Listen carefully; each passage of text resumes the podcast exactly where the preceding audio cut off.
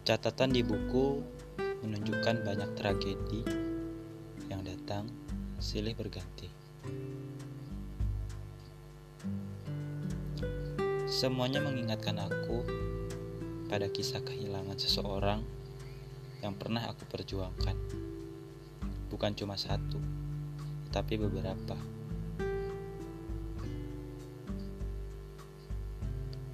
Catatan di buku masih berwarna putih, agak kekuningan karena waktu yang menghajarnya habis. Semuanya berkata bahwa terima saja apa yang pernah terjadi di masa lalu. Tak ada yang perlu dikhawatirkan.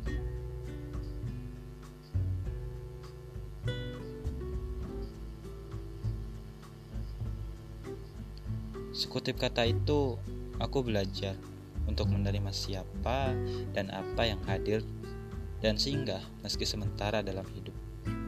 Sesakit apa pun harus diterima dan tenang.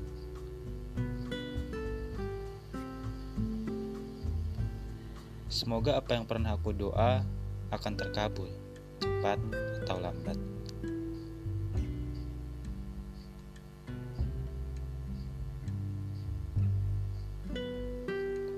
Akhirnya, sampai juga di titik terakhir. Titik penuh kesepian dan ketenangan, bukankah kedua itu puncak dari kebahagiaan?